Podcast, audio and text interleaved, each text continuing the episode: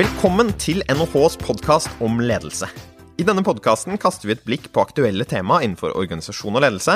Vi diskuterer hva forskningen sier, og vi kommer med noen av våre tanker om hva ledere kan gjøre annerledes for å lykkes der hvor de er. Mitt navn er Marius Jones, og jeg er ph.d.-stipendiat her ved Norges handelshøyskole. I dag skal vi ta for oss motivasjon og insentiver. For å nå sine mål så er organisasjoner avhengig av å få de riktige menneskene til å gjøre de riktige tingene, gjerne også med en god mengde innsats. Og Når de riktige menneskene da ofte er frie individer med egne mål og varierende engasjement, står ledere og organisasjoner overfor en utfordring. I dag skal vi derfor utforske en rekke spørsmål. Hva er det egentlig som motiverer mennesker til å handle på en gitt måte? Finnes det former for straff og belønning som fungerer? Og hva kan ledere gjøre for å få mest mulig ut av sine menneskelige ressurser? For å grave i spørsmålene har jeg med meg tre forskere fra NHH i studio, og vi skal som forrige gang ut på NHHs ganger og snakke med studentene om hva som motiverer de i det daglige. Her er andre episode av NHHs podkast om ledelse.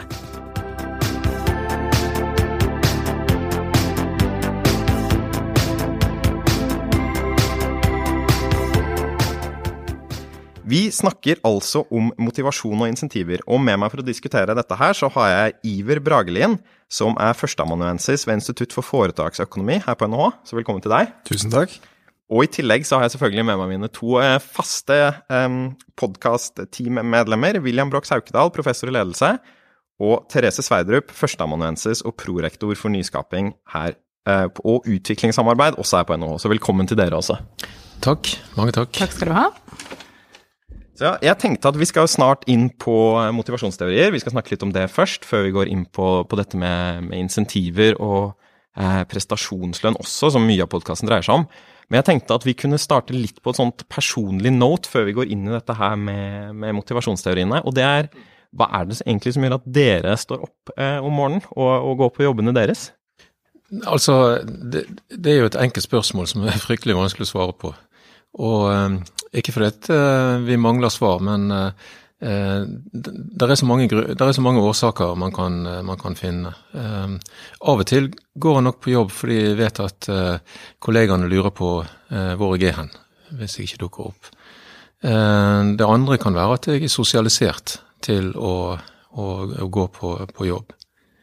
Og det tredje kan selvfølgelig være at jeg har viktige oppgaver som, som bare kan gjøres på jobben. Ja, og så kan det være møter og Det er egentlig veldig mange forklaringer.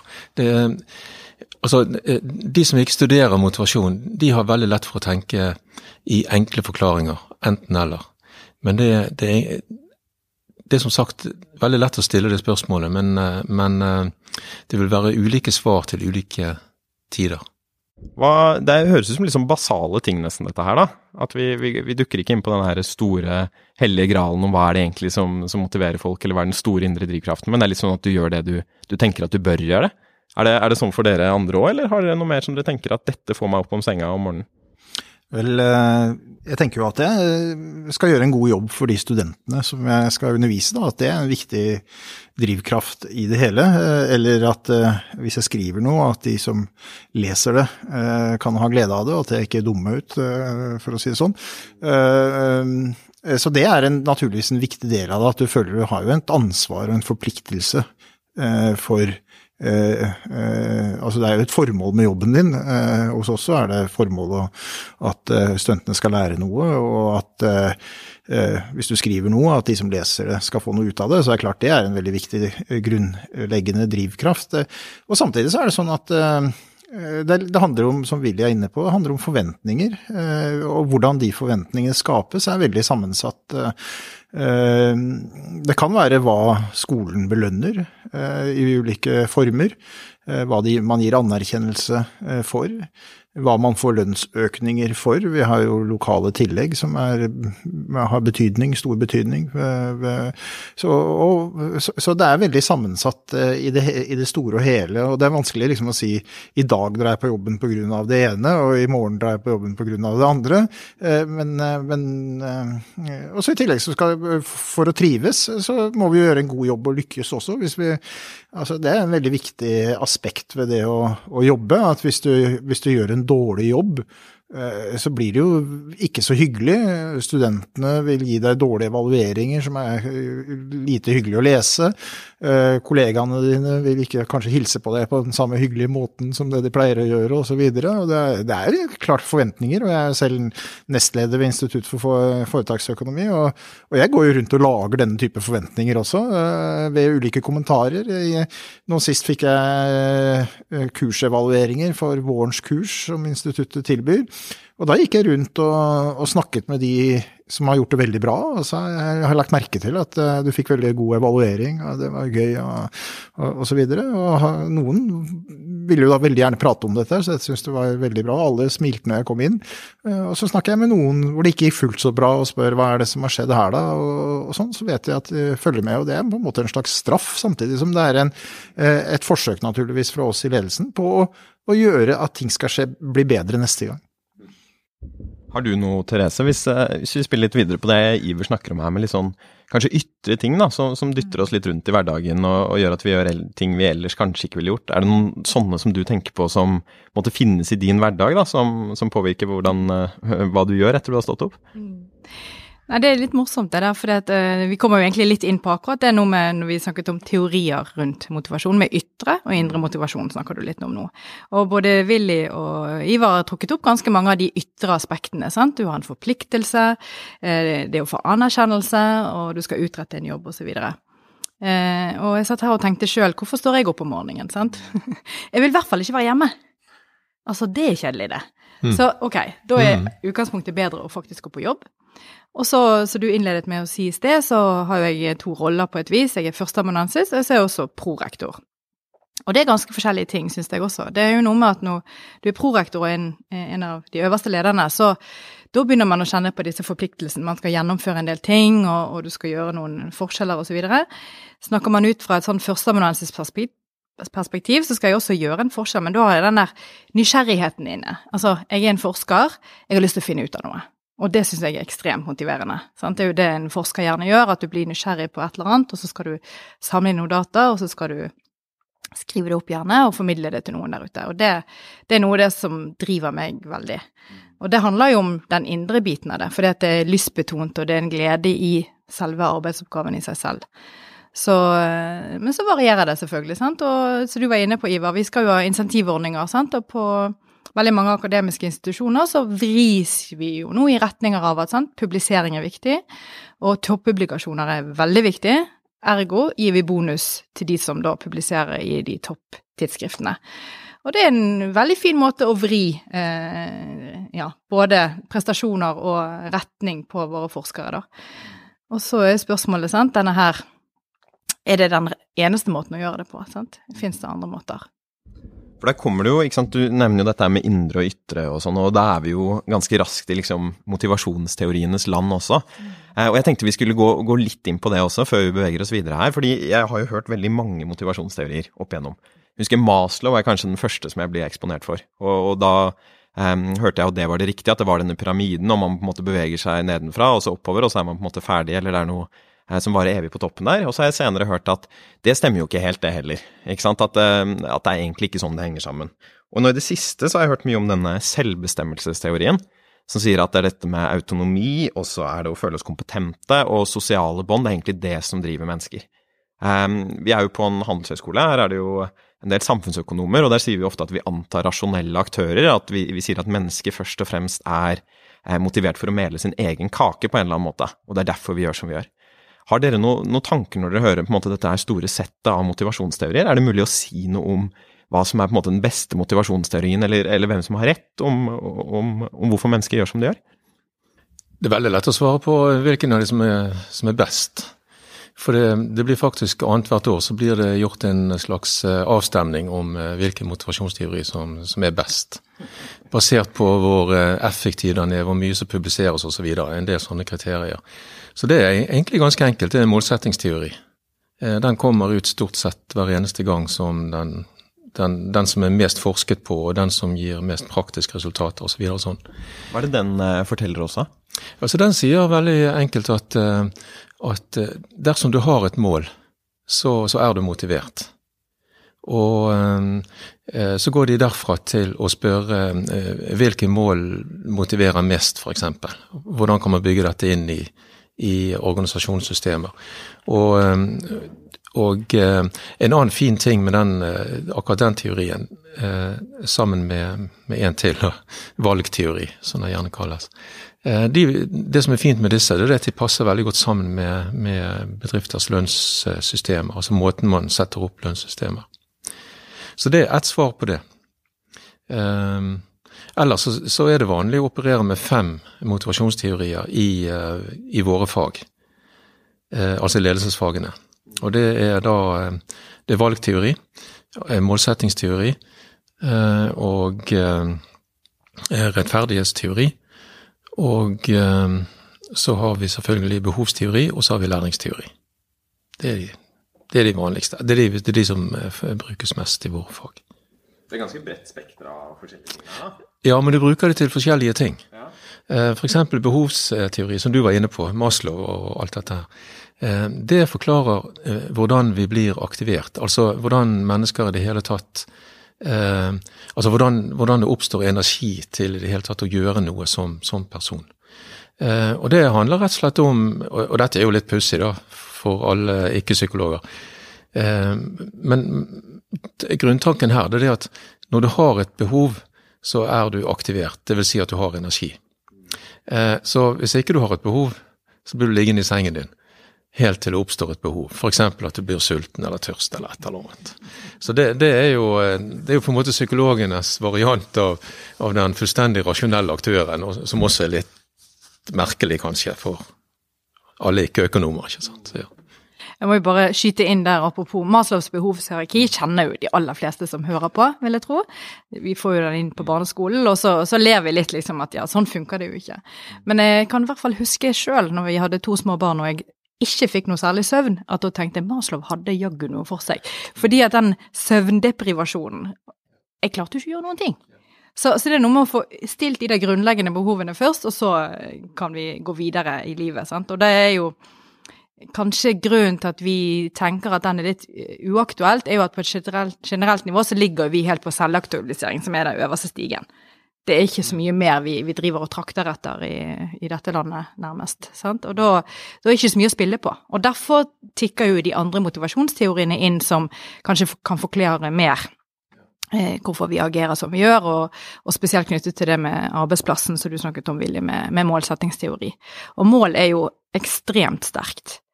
Eh, til det gode og til det utfordrende, selvfølgelig. sant? Eh, og det er jo det som kanskje er en av de største utfordringene i dag med eh, Vi har lært at mål driver oss, og så er det det å sette de riktige målene. Og der kommer jo den diskusjonen inn med når vi bruker Key Performance Indicator? KPI-er som skal nås osv. Så, videre. så det er lett å, å, sette de som er lett å måle, men så er diskusjonen er det de som er de riktige. Men, ja, og kan, Bare si én ting til. her, for Nå ser jeg at uh, Ivar har lyst til å si noe.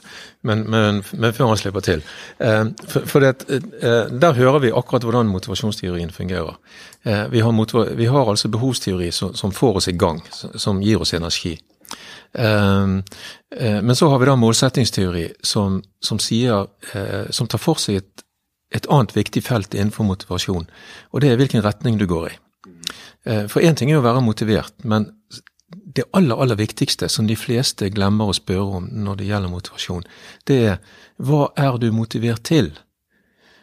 Fordi at alle mennesker som Altså 99,9% av alle mennesker på jorden er motivert. Men spørsmålet er hva er de motivert til? Og det er jo det som er lederens problem òg. At eh, du har ansatt eh, motiverte medarbeidere. I og med at de kom på jobb, så er de motivert. Men spørsmålet er jo er de motivert til å gjøre de oppgavene som du vil at de skal gjøre. Og da kommer målsettingsteorien.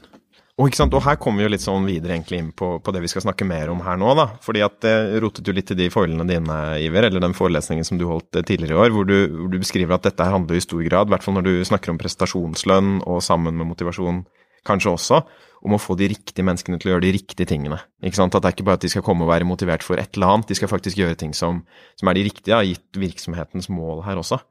Og, og, jeg tenker, før vi går inn og prøver å på en måte svare på det spørsmålet der, da, så er det kanskje fint å, å grave litt i det problemet også. Fordi at På en måte så kan man jo bare spørre seg hvorfor, hvorfor er dette et problem i det hele tatt? Gjør ikke folk bare som, på en måte, som sjefen sier her? Hva er det som gjør at dette egentlig er vanskelig å få til som virksomhet? Eh, skal jeg ta litt av det? Ja, altså folk gjør jo som sjefen sier også. Eh, det er riktig. Så det er, og det er faktisk en veldig eh, viktig styringsmekanisme i en organisasjon, eller et hierarki, som en nobelprisvinner Oliver Williamson kalte det, altså markets versus hierarchies.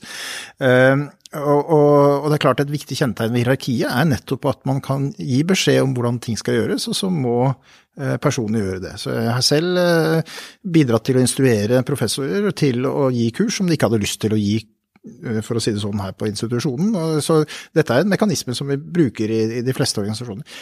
Problemet er at det er en veldig begrenset Eh, mekanisme. Eh, eh, du må for det første kontrollere at vedkommende gjør som vedkommende skal gjøre.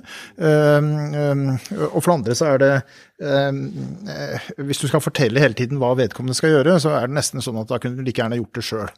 Eh, så det kreves mye ledelse for å, få det, å få det til å bli en effektiv mekanisme. Her kan vi tenke oss at faktisk at eh, næringslivet og organisasjonene for øvrig har forandret seg litt siden 60-tallet f.eks., hvor det var lettere å kontrollere en stor andel av, eh, av de ansatte.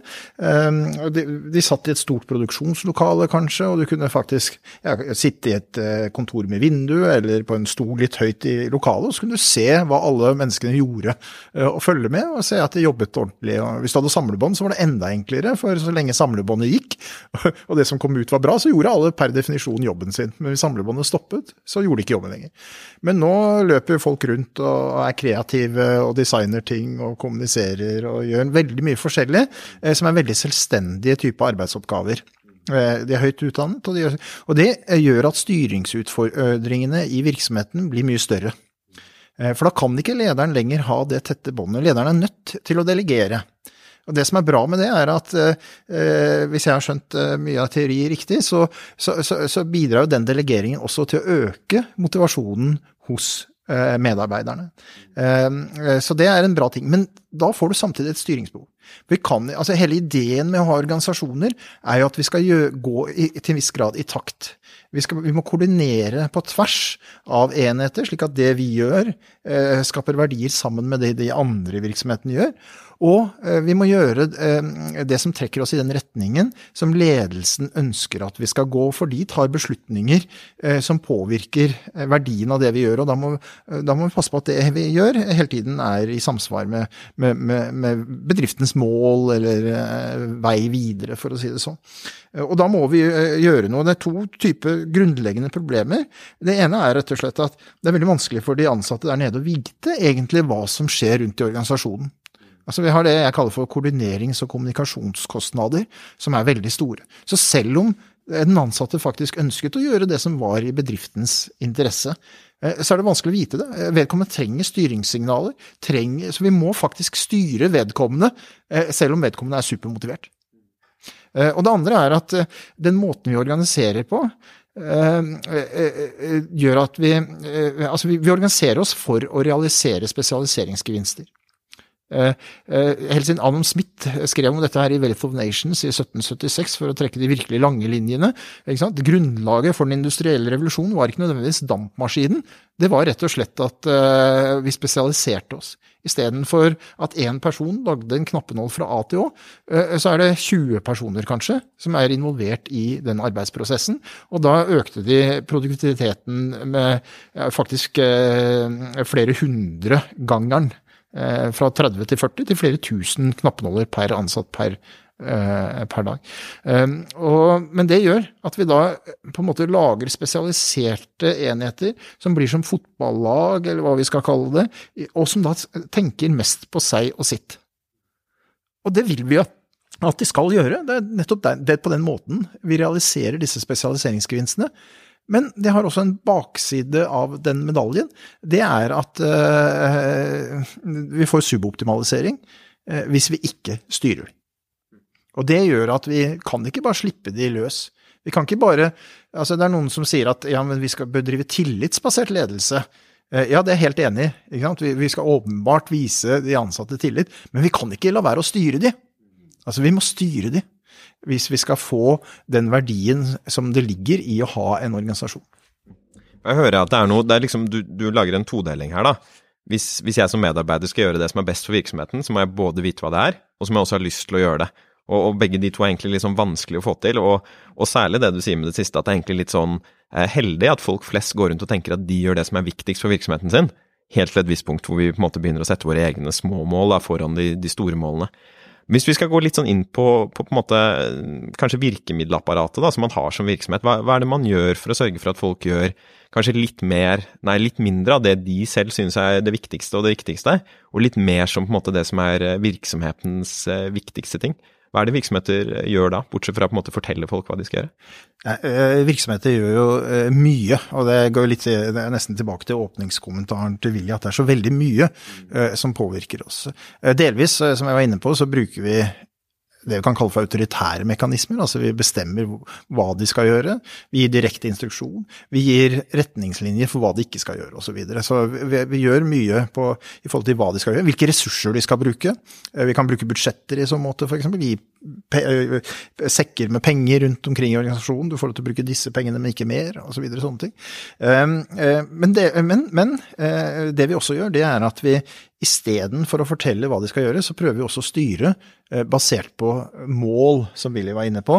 Altså, og, og, og, da belønner og straffer vi alt på ulike måter, ikke bare i form av penger, det er bare en liten del av det, men på ulike måter så straffer og belønner vi alt ettersom om, hvilke, om du når målet eller ikke. Så det er, kaller jeg for belønningsmekanismer. Altså at vi har autoritære mekanismer, vi har belønningsmekanismer, og så har vi en stor sekk i tillegg som jeg kaller for sosiale mekanismer, og som jeg kan mindre om, men som jeg har forstått eh, det handler om eh, regler for atferd, normer, og, og mål som sitter inne i de enkelte personene for hva de gjør altså som kommer, kan være fra profesjonsutdanninger eller andre steder hvor de blitt, har internalisert noen mål, som vi kan kalle for verdier.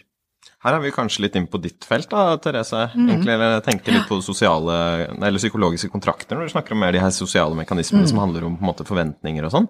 Er det også noe du tenker på som en, en slags styringsmekanisme, eller noe som, som, gjør at folk gjør vet ikke, noe de ellers ikke ville gjort? Absolutt, og dette snakket vi jo litt om i første episode. Mm. Nettopp den betydningen sosiale mekanismer, som Ivar kaller det for, eh, har den betydningen ved at vi, vi kjenner faktisk på kroppen. Enten at noen har brutt en norm mot oss, eller at vi gjør noe som vi tenker ops, vet ikke helt om det. Sant? Og så er det jo opp til organisasjonen eller gruppen, avdelingen innad, hvordan de sanksjonerer et type brudd på en, en, norm eller en psykologisk kontrakt. Og det er klart at det er en veldig sterk mekanisme for, og en drivkraft for mennesker. Mm. Det som er så interessant i, i, forhold til at det skal være et bevisst verktøy fra en leder, for det, det som jeg ser i, i forhold til psykologisk kontraktsteori, det er at disse forventningene vi har til hverandre, gi og ta-forholdet, de oppstår enten du vil eller ikke. Mm. Og så er det i hvilken grad en leder er bevisst på hvilke signaler de sender ut, på hva som belønnes og ikke. Og der har jo mange veldig mye å gå på. Og det handler om kommunikasjon. Å tørre å snakke om det, altså og da tenker jeg egentlig fra medarbeiders side, og det tror jeg også jeg snakket i første episode, at vi er nødt til å ansvarliggjøre medarbeidere mer, også i forhold til å ta opp Du, forsto jeg det riktig nå at du signaliserte at dette vil skje hvis jeg gjør slik? Ledere går rundt og gjør veldig mye. De har mye møter, og de skal eh, ja, gi beskjeder osv., og, så videre, og kan ikke alltid passe på eh, alt. Og der, der, mener jeg vi har litt å gå på i forhold til eh, ansvarliggjøring. Og spesielt som du sa, Ivar, at ja, dette med motivering av medarbeidere. Vi har jo høyt utdannede mennesker som i seg sjøl du tenker har en drivkraft i faget sitt. Og hvorfor skal vi da drive at en leder må motivere? Her må man ta ansvar selv. Mm.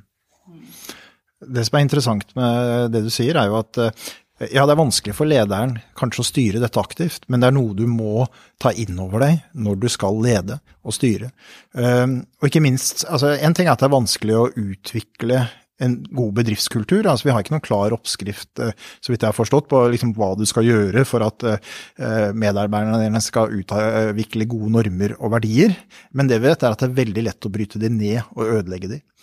Så når du da uh, bruker autoriteten din eller eh, du gir belønninger, så må du være utrolig bevisst på hvordan det da vil virke inn på de sosiale mekanismene også.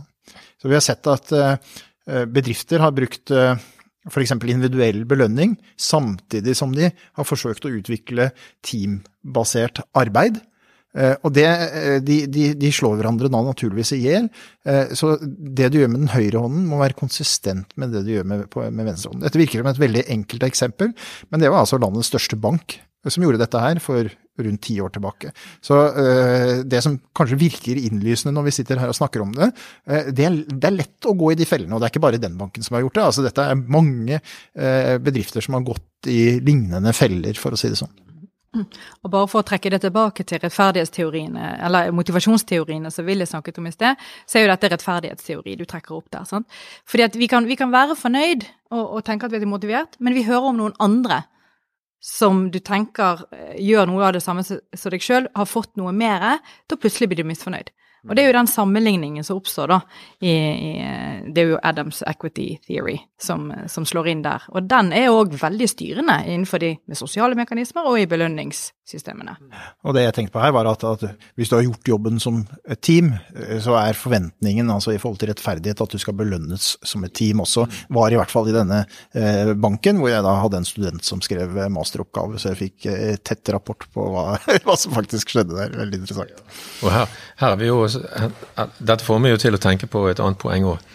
Og det er det at vi, vi, kan, altså vi kan snakke om eh, motivasjon og belønning og, og sånt og, og, eh, og, analysere og plukke ting fra hverandre, sånn som vi gjør nå. Det er jo utrolig interessant. Eh, fordi, fordi vi vet ganske mye om dette. Men det vi også må ta med i betraktning, det er at det er veldig forskjell på store bedrifter og små bedrifter. Altså I en arbeidsplass med tre-fire ansatte, som vi tross alt har ganske mange av i, eh, i landet vårt, så, så, er ikke det så farlig, disse systemene som, som, vi har. Det er gjerne ikke ressurser til å lage så veldig gode systemer heller. Men der har du korpsånd, ikke sant, som vi kalte det før. og I dag mm. kaller vi det for team-ånd eller team spirit og sånt noe. Og det vil jo ta hånd om mange av disse mekanismene. Mm. Men men, men, hvis vi så går over på store organisasjoner, så må vi ha styringssystemer. Rett og slett fordi at, eh, at det er ikke mulig å utvikle disse her eh, normsystemene og kulturelle forholdene eh, slik at de fungerer likt for alle.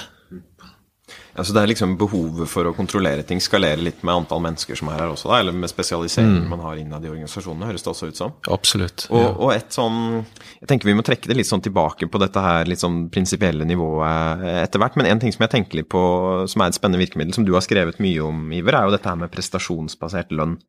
Eh, og der ser jeg at du har jo annet hatt en eh, ja, en slags artikkelutveksling med, med Bård Kuvås eh, fra BI der også, hvor dere ja. i Magma da diskuterer litt om er dette her en god idé eller ikke. Eh, og, og der mener, virker det som, da, når jeg leser det, at du tenker at ja, her, her er vi på god vei, mens Bård Kuvås mener at dette er omtrent det dummeste du kan gjøre da, for å styre en virksomhet. Eh, så, så, hvis du kan begynne litt med å, ja. si hva, hva er det vi legger i dette med prestasjonsbasert lønn? Eh, ja, eh, hvis vi skal ta det fra alt det på å si, så er det egentlig all lønn som er variabel. Jeg jeg liker bedre altså variabel avlønning enn nødvendigvis prestasjonsbasert. Og så er det veldig mange kriterier som kan brukes for å bedømme da, eller hvilken lønn du skal få, basert på det året som har gått. Det kan være en individuell avtale basert på lederens skjønn, naturligvis kriterier som ligger til bunn osv. Det kan være tellbare kriterier, eller det kan være være finansielle resultater. Eh, vi kan måle istedenfor å måle på individnivå, så kan det være målt på teamnivå, eller på avdelingsnivå, eller på konsernnivå.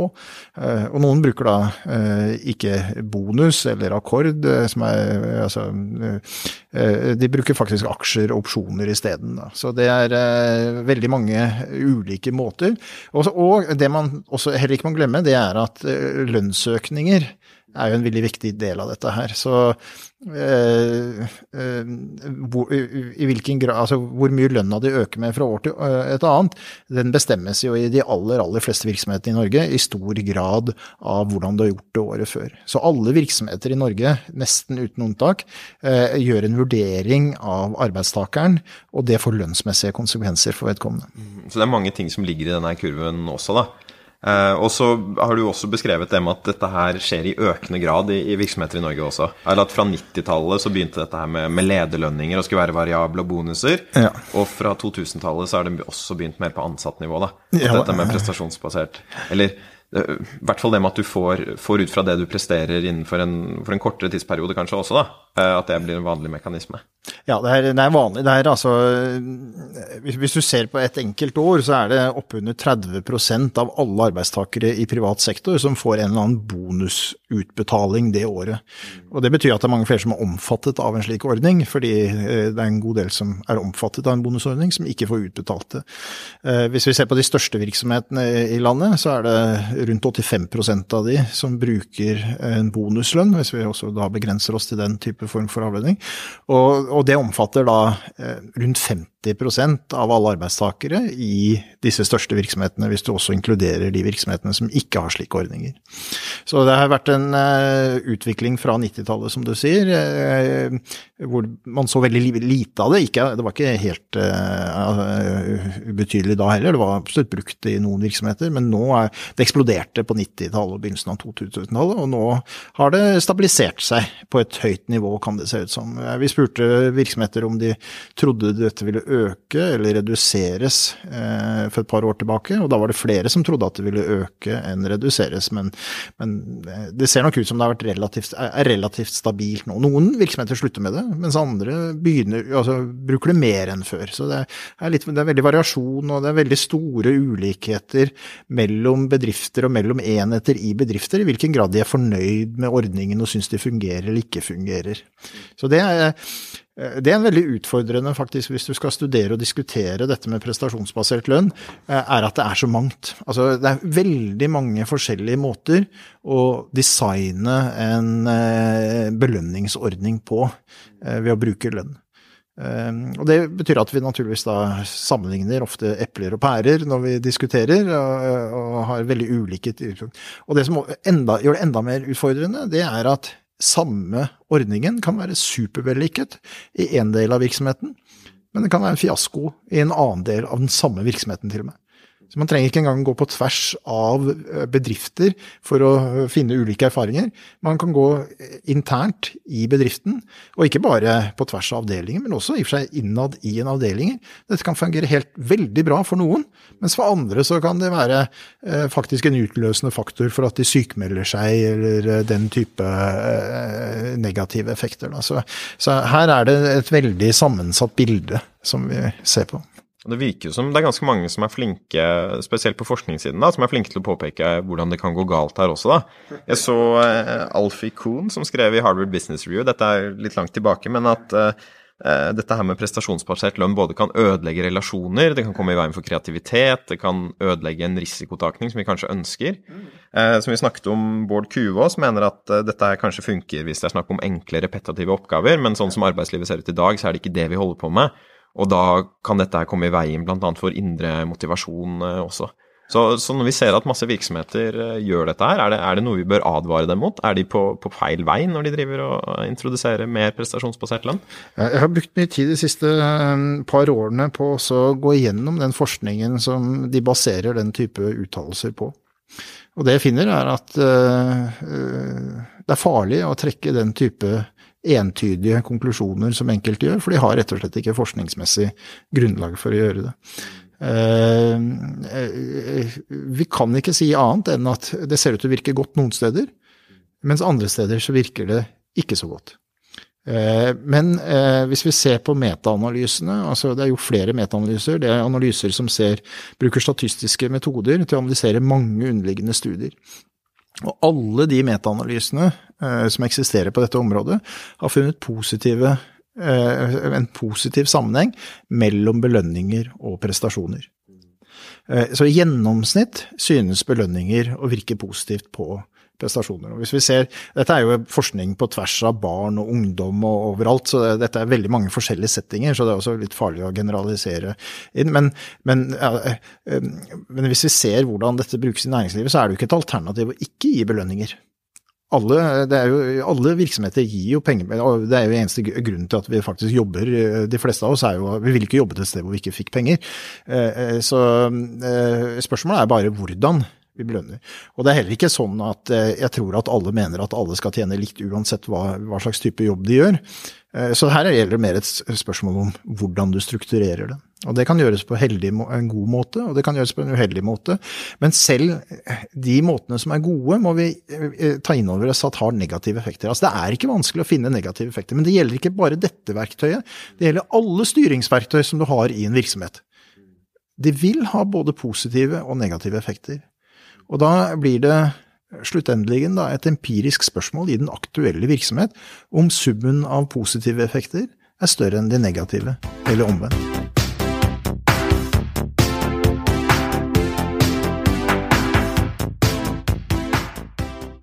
Så det virker å være ganske mange ting som bidrar til at vi gjør det vi gjør, og at vi er motiverte. Og som vi har snakket om, så virker lønn å være ett virkemiddel som påvirker oss. Men hva med alle de som ikke tjener penger, nemlig studentene? Hva er det som gjør at de står opp om morgenen og kommer hit til Norges handelshøyskole? Og hva er det de finner motiverende i studenthverdagen? Jeg tok med mikrofonen ut på gangene på NHH for å finne ut det. Hvis jeg da spør eh, Dere har nå kommet til skolen i dag. Hva er det som gjør at dere velger å være her og ikke et helt annet sted i verden akkurat i dag? I dag? I, I, dag er vi jo knyttet til at vi har eh, Vi har jo valgt å gå på NHA. Ja.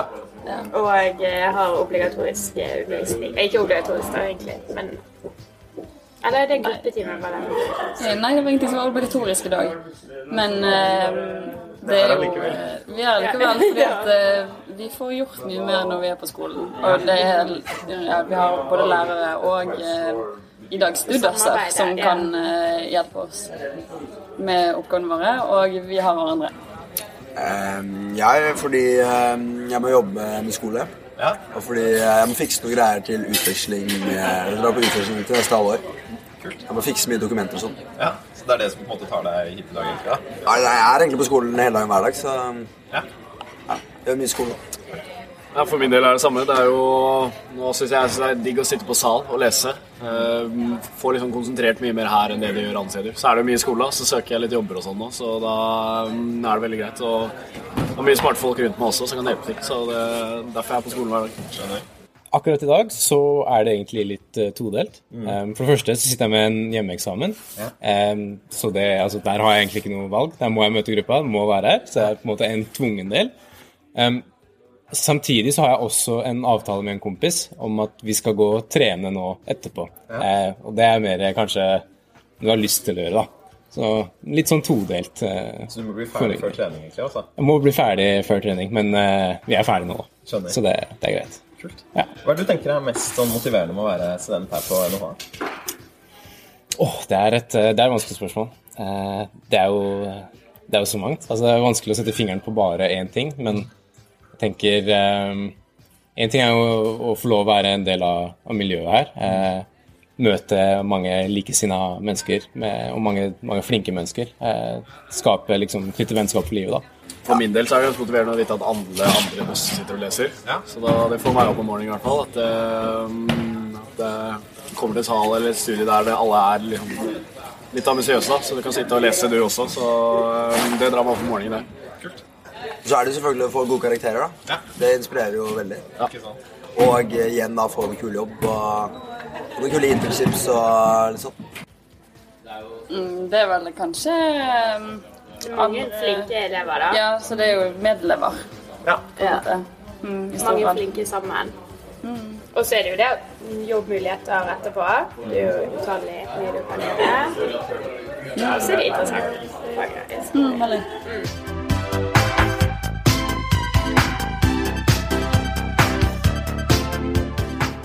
Mm. ganske sammensatt bilde blant studentene også, altså. Det er både interesse for det som skal læres, fremtidig jobb og forpliktelser overfor andre mennesker bidrar til at de har kommet seg på NHH akkurat i dag. Vi skal tilbake til Iver William og Therese, der vi nettopp har hørt hvordan belønninger kan få medarbeidere til å gjøre mer av det organisasjoner vil at de skal gjøre. Men vil ikke dette også komme i veien for indre motivasjon og kreativ skaperglede? Og tyder ikke bruk av pisk og gulrot egentlig på et litt dårlig menneskesyn? Vi går tilbake til studio. Hvis jeg tar den over til deg, Therese, og til, til Willy her. Da. Dette høres ut som det er et komplisert spørsmål, at det er mange sider ved dette her også. Eh, hva, hva, eller jeg har i hvert fall et inntrykk av at, eh, at, en del av disse mekanismene har et litt sånn dårlig rykte, og at det er mange som, som, går ut og sier at dette her bør vi ikke ha, eh, og at det vitner om et, et, litt sånn dårlig menneskesyn. Kanskje sier noen at her skal vi ha pisk og, og gulrot, istedenfor å på en måte la flinke folk få lov til å gjøre det de selv mener er best, som sannsynligvis er bra ting også, er, er et resonnement som jeg hører en del. Hva, hva, tror dere er grunnen til at, at det er så motstand mot denne her måten å styre organisasjonen på? Ja, Hvis jeg skal starte, da, så synes jeg det Altså, jeg synes, jeg synes det er forunderlig, rett og slett. Eh, jeg tror vi må gå tilbake til politiske standpunkt og, og verdier og, og, og, den typen ting. For hvis det, sånn at, hvis det er sånn at mennesker ikke vil ha penger, så vil jo jeg spørre hvorfor har vi da rike mennesker? Og, eh, og, vi har jo da en eh, amerikansk fagforeningsleder som døde i 1977, tror jeg. Og Han sa det jo veldig godt at uh, hvis arbeidet var så fantastisk, så ville de rike holdt det for seg selv. Og uh, han, han ble jo berømt på det utsagnet der. Og det, det, er jo selvfølgelig veldig retorisk, dette, men, men, men det er jo som, som Ivar her avsluttet med, at, at, det er jo ikke noe alternativ å tenke seg et arbeidsliv uten avlønning. Eh, du kan gå på gaten og spørre hvem som helst hva de vil gjøre dersom arbeidsgiver eh, sluttet å betale lønn, men de kunne få beholde jobben. Altså hvor mange ville beholdt jobben? Eh, noen ville nok sikkert gjøre det hvis de var økonomisk uavhengig, men, men det er jo de færreste som, som er det. Så, så altså, jeg, jeg, forstår veldig lite av den, den debatten der, egentlig. Det er klart at, at vi vet at bruk av eh, resultatlønn eh, medfører noen uheldige konsekvenser. Men da må vi spørre hvordan var det før man innførte disse avlønningsmetodene? Var, var verden perfekt den gangen? Nei, den var jo ikke det. Og, og svaret er jo veldig ofte det at jo, men det er bare én type motivasjon, og det er indre motivasjon. Det er det eneste som teller. Ja, da, og det, det kan man jo si. Men da kan man jo samtidig spørre eh, eh, hva skal vi gjøre med de, alle de arbeidsoppgavene som ikke noen i hele verden er indre motivert for å gjøre? Altså eh, Ja, jeg skal, jeg, skal, jeg skal, ikke nevne eksempler. Det er veldig fristende å gjøre det, men, men jeg skal ikke gjøre det. De arbeidsoppgavene må også gjøres, og de må belønnes. Nei, det, jeg synes det, det, det, er jo det som Ivar peker på, det er jo kompleksiteten i dette. sant? Og så er det den med at når man plutselig begynner å se ting i svart-hvitt, så blir det så lett å falle ned på den ene eller den andre siden. Og så er jo ikke virkeligheten sånn i det hele tatt. Eh, så du kan si at eh, sånn Jeg kommer fra psykologisiden, så jeg heller jo mer i retning av Bård Kuvås-retningen. Fordi at eh, sant, jeg tror på denne indre motivasjonen, men det er veldig gode poenger i det at ja, vi trenger at folk gjør de kall det kjedelige oppgavene. Vi trenger også å styre i retning, og jeg nevnte eksempelet i sted f.eks. her på NHH. I den eh, grad vi begynte å innføre bonuser på, på publikasjoner i toppjournaler, ja, da skjedde det jaggu noe. Og, og, og, det er også noe som er viktig for oss, sant? å markere oss på at vi, vi skaper høykvalitetsforskning. Vi får også belønning fra departementet gjennom å gjøre det. Og så er jo spørsmålet har vi nå tatt i for lang retning. Sant? Så noen ganger kan man trykke på eh, altså, Lage insentivordninger for å vri ting i en retning som det fungerer veldig bra. Men så er det jo denne Går vi tilbake på det, eller blir vi veldig tro mot at det er den ene måten å gjøre det på det? Og det er jo nettopp det òg, altså hva hva spillerom og variasjon kan vi ha eh, for å teste ut ting? Og det er jo der eh, sant, du pekte på banker osv. Ja, de innførte det, så gikk de tilbake på det.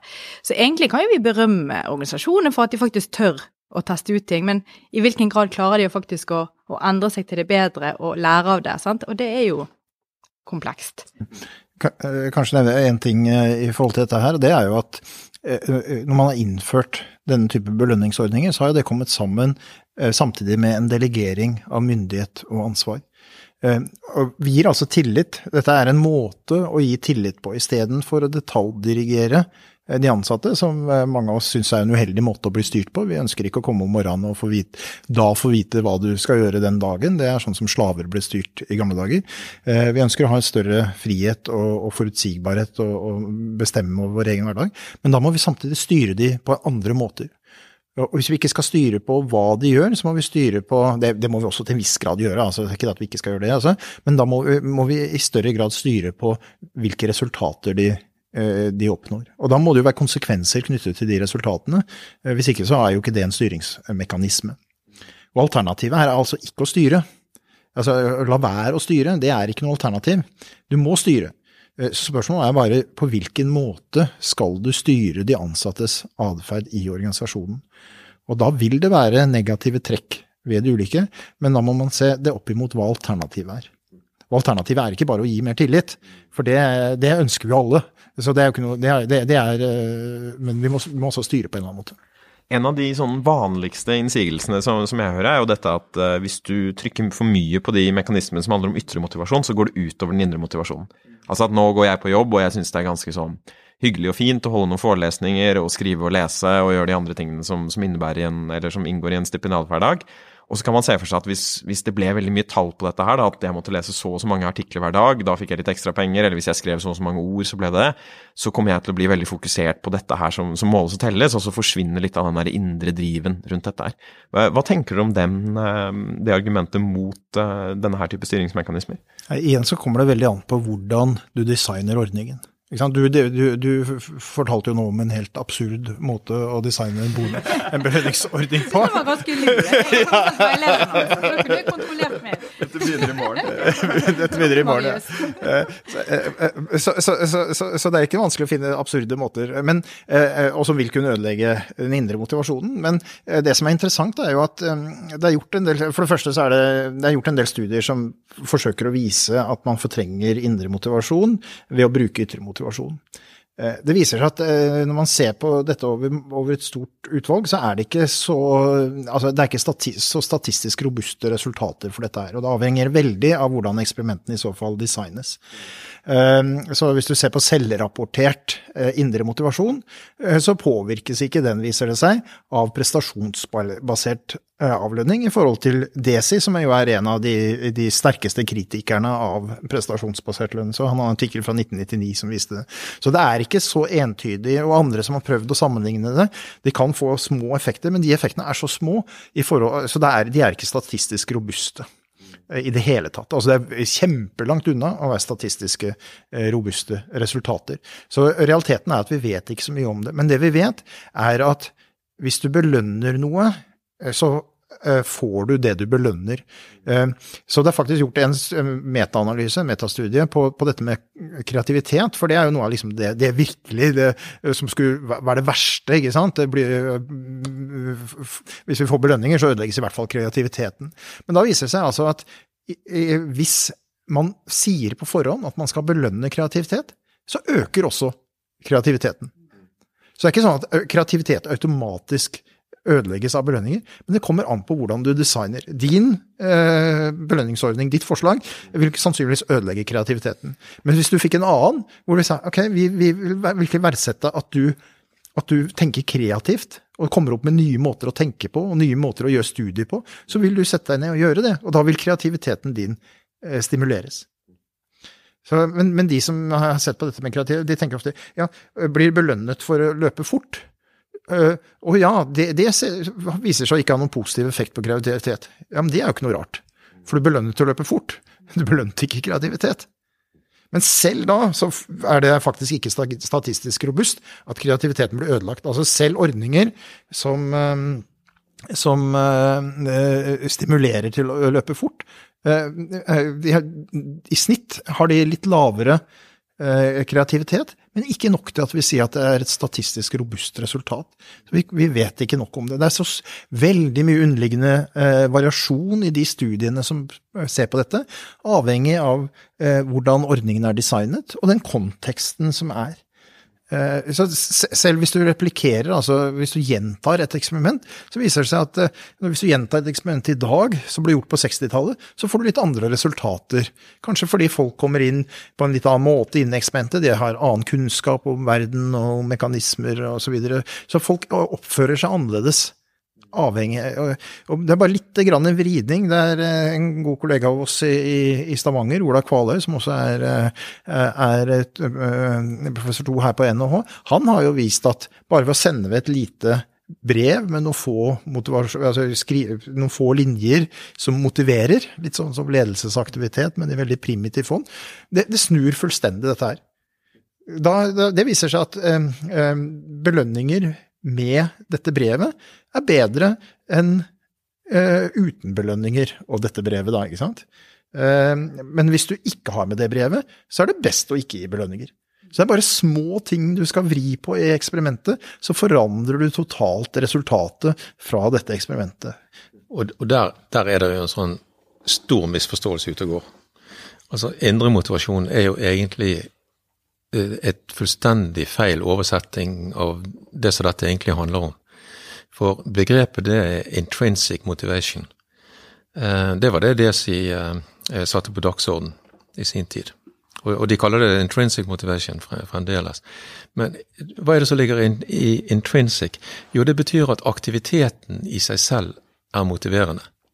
Slik at du har det så kjekt med det du gjør, at du gjerne vil fortsette å gjøre det uansett om du får belønning eller ikke. Det er det som er poenget med, med indre motivasjon.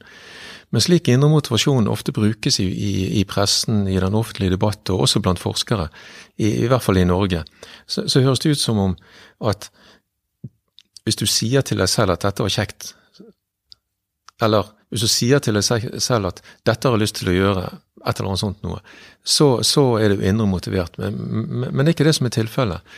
Du, du, må ha, altså, du må være engasjert i en aktivitet som du ikke har lyst til å bytte ut med en annen aktivitet. Det er indre, det er indre motivasjon.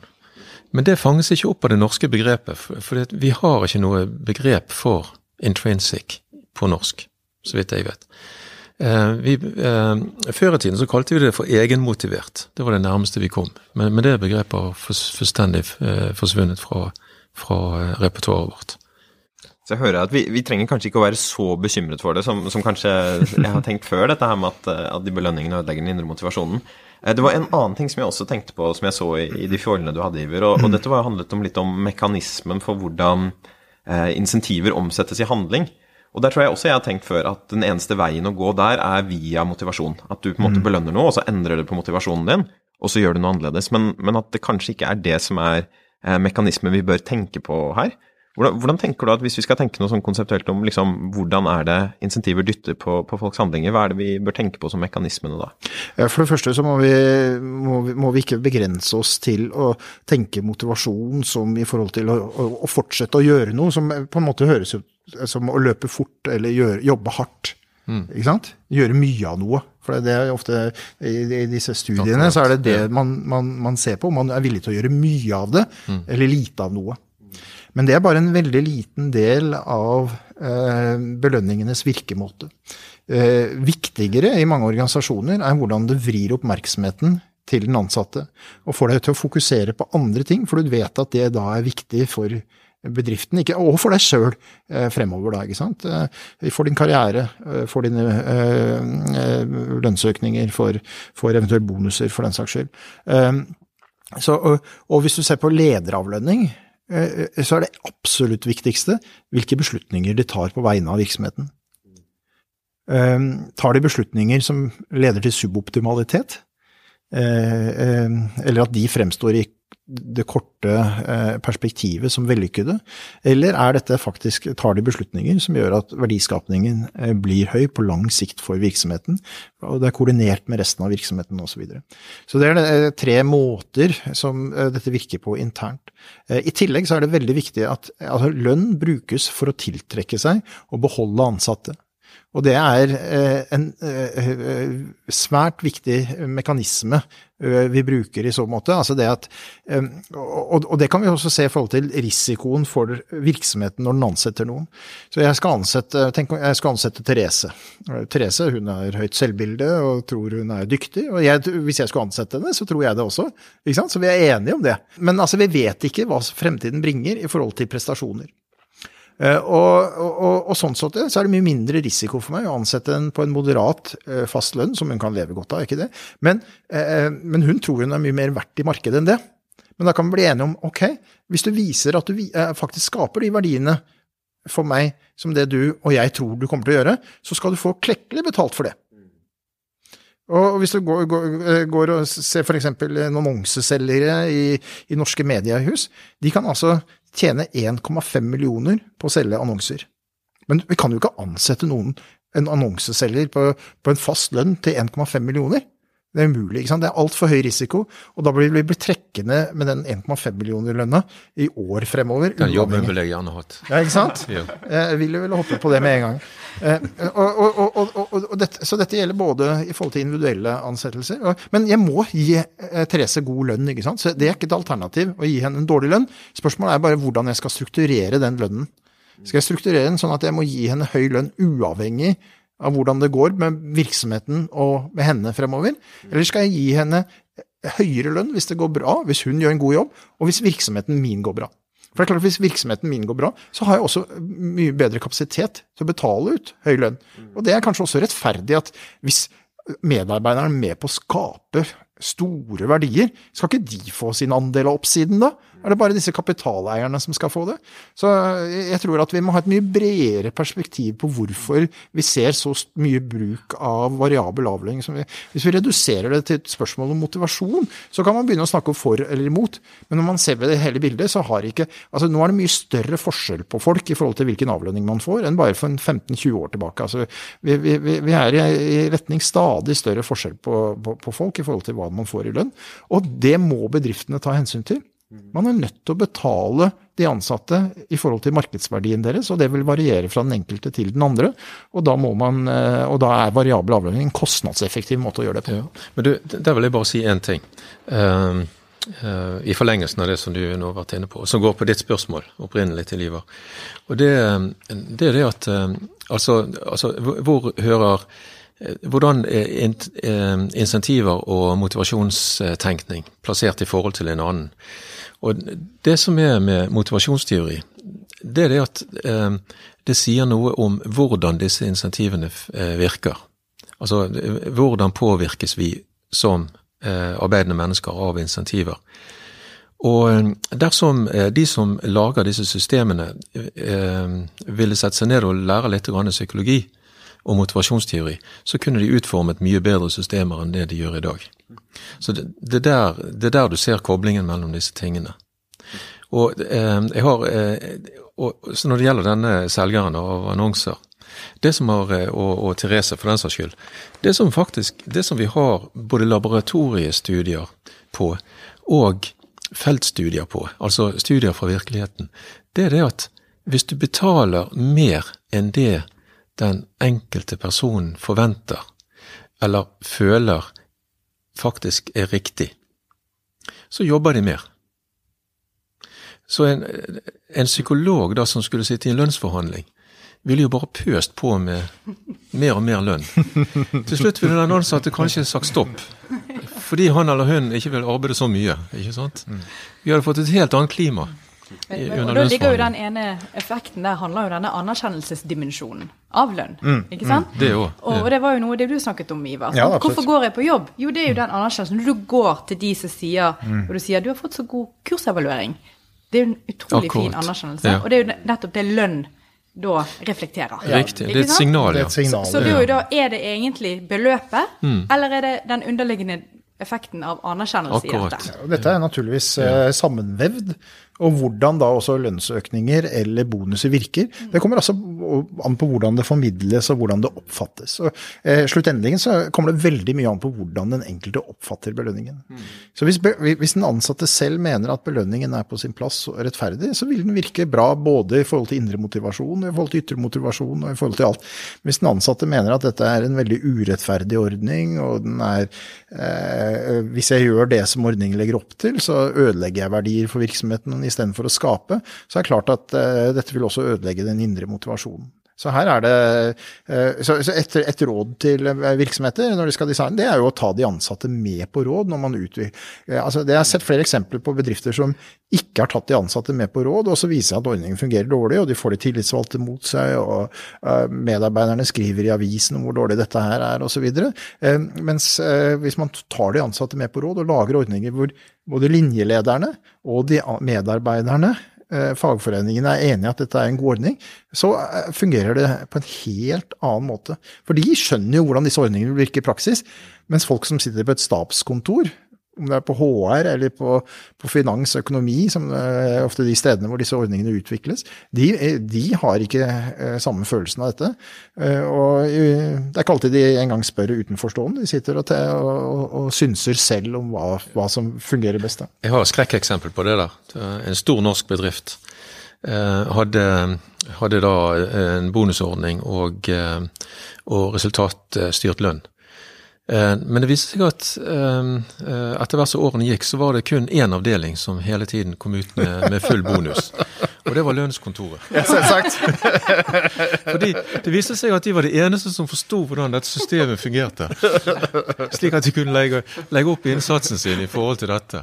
Og det er jo, det, det, det er jo klart at dette viser jo hvor hvor galt det kan, kan bli. Ja da, ja, det, vi, vi, alle er jo enig i det. at ja. Det er ikke vanskelig å finne eksempler på dårlige belønningsordninger. Er, eh, men eh, selv om det er lett å finne eksempler på dårlige ordninger, så er det altså sånn at flertallet av norske virksomheter bruker variabel avlønning. Eh, og man kan jo naturligvis hevde at de er alle idioter. Det tror jo ikke vi som er bedriftsøkonomer på, fordi vi tror at hvis de hadde gjort ting som var dumt, så ville de etter hvert bli utkonkurrert av andre som gjorde, gjorde ting som var smartere. Så, så det er nok ikke Eh, ikke så lett at vi kan bare avfeie det med disse enkle eksemplene. Eh, vi, vi må se. Også, og, og, som sagt, understreke enda en gang, det er, det er, veldig viktig å se det hele bildet, hvordan disse virker. At det er ikke bare for å få Altså det å løpe fortere er en veldig liten del av hvorfor vi gir variabel lønn. Eh, det er altså for å vri oppmerksomhet, endre beslutninger som tas, tiltrekke seg de man ønsker å tiltrekke seg, beholde de man virkelig ønsker, de må man belønne kraftig. ikke sant? Den store, de, uh, uh, Mange av de ansatte vil jo bli uansett, men de som virkelig skaper store verdier i virksomheten, de må man gjøre noe spesielt med. Uh, og Skal man da gi de høy fastlønn, eller skal man gi de belønninger så lenge de leverer på den måten de gjør? Og det siste vil jo da redusere risiko. Og For å gå litt sånn på landing på dette her, da, så, som, som, høres ut som det er et spørsmål ikke om ja eller nei til dette her, men, men hvordan skal vi gjøre det? Eh, hvis hver av dere vil komme med kanskje ett tips da, til de som sitter der ute, og, og tenke litt på hvordan skal vi kanskje gjøre noe annerledes eller noe mer eller noe mindre knyttet til dette med prestasjonsbasert lønn. Har dere et tips til hva man bør se på eller ta inn over seg eller tenke på hvis man skal i gang med dette her? Jeg har egentlig lyst til å gripe fatt i det som Ivar sa i sted, som, men det går veldig i tråd med det jeg snakket om i sted med involvering av medarbeidere, og at medarbeidere selv må ta mer ansvar i organisasjonen.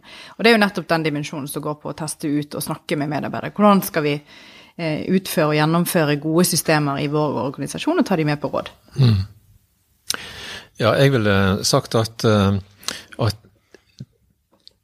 man, må, man må spørre seg selv hva er det vi ønsker mer av? Eh, er det gode beslutninger? Er det at folk skal løpe fortere? Hva som helst. Og så må man eh, utforme et eh, motivasjonssystem basert på det. Det var akkurat det jeg hadde tenkt å si, men la meg da, la meg da føye til at man må da ikke, ikke, bare se på hva man ønsker å oppnå, det er naturligvis det viktigste. For dette er et styringsverktøy, og det er helt idiotisk å innføre et styringsverktøy hvis du ikke har et formål med det. Og det, det, er overraskende mange som gjør, da, så det er litt interessant. Men eh, ok, du har formålet, det har Willy snakket om, eh, men da må du tilpasse den til den konteksten og det miljøet eh, som du har. Jobber du individuelt? Jobber de på team? Altså sånn helt basale type Hvordan jobber de?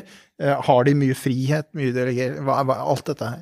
Eh, og så er det ikke et snakk om enten-eller i forhold til andre ledelsesmetoder. Det har vi vært litt inne på, men det har jeg også lyst til å understreke til slutt. Det er kanskje mer utfordrende å bruke belønninger enn å ikke bruke det. Og, du må bruke, og hvis du bruker belønninger, så må du også bruke veldig mye tid, og kanskje enda mer enn tiden du ellers ville gjort, på å se medarbeideren, inspirere vedkommende. Eh, stimulere de intellektuelt, og de andre tingene som en god leder skal gjøre. Behandle medarbeiderne som individer, eh, og ikke som maskiner. Eh, og det viser seg jo da også fra forskningen at de som gir mye belønninger, de gjør også mye av dette andre. Så øh, Forskningen viser faktisk at uh, det går hånd i hånd. De som gjør mye av det som kalles for, av noen for transformasjonsledelse, og de som gjør mye av det som kalles for transaksjonsledelse, som er mer som belønninger øh, altså, den, det, De fant en korrelasjon i en studie fant en korrelasjon på 0,8 mellom de to måtene å gjøre det på. Så det er altså ikke et enten-eller, det er både og. I hvert fall er det slik bedriftene gjør det. De, de gjør begge deler. Og det syns jeg egentlig var en strålende avslutning på det hele. Altså. Vi har eh, vært på en ganske stor rundtur nå, egentlig, gjennom både motivasjon og hva som får dere opp av senga om morgenen, og inn i prestasjonslønnen og alt mulig. og uten å gjøre noe sånn forsøk på å oppsummere her, så, så tenker jeg i hvert fall at eh, det dere, dere, siste dere kommer med her, da, er ganske viktig. det med å måte at man kan faktisk ta med medarbeidere, selv om kanskje prestasjonsbasert lønn høres ut som noe som sjefene pinner på og trer nedover hodet på folk, så trenger det ikke å være det man kan faktisk eh, tenke litt på hva er det man ønsker å oppnå her, og ikke bare eh, belønne det som er enklest å måle. Og at det er ikke en sånn én, eh, enten dette heller eller eh, noe annet, men at disse her mekanismene faktisk må spille på lag hvis man skal få den atferden som man ønsker i organisasjoner. Tusen takk, mm. Therese, Willy og Iver. Ja, glede å være her.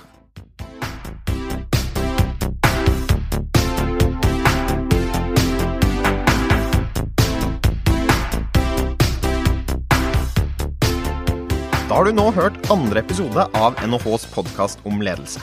I studio i dag var jeg, Marius Jones, sammen med Iver Bragelien, Therese Sverdrup og William Brox Haukedal. Om du vil vite mer om hva vi holder på med på Norges handelshøyskole, så finner du oss på nhh.no og ved å søke på NHH på Facebook. Vi høres!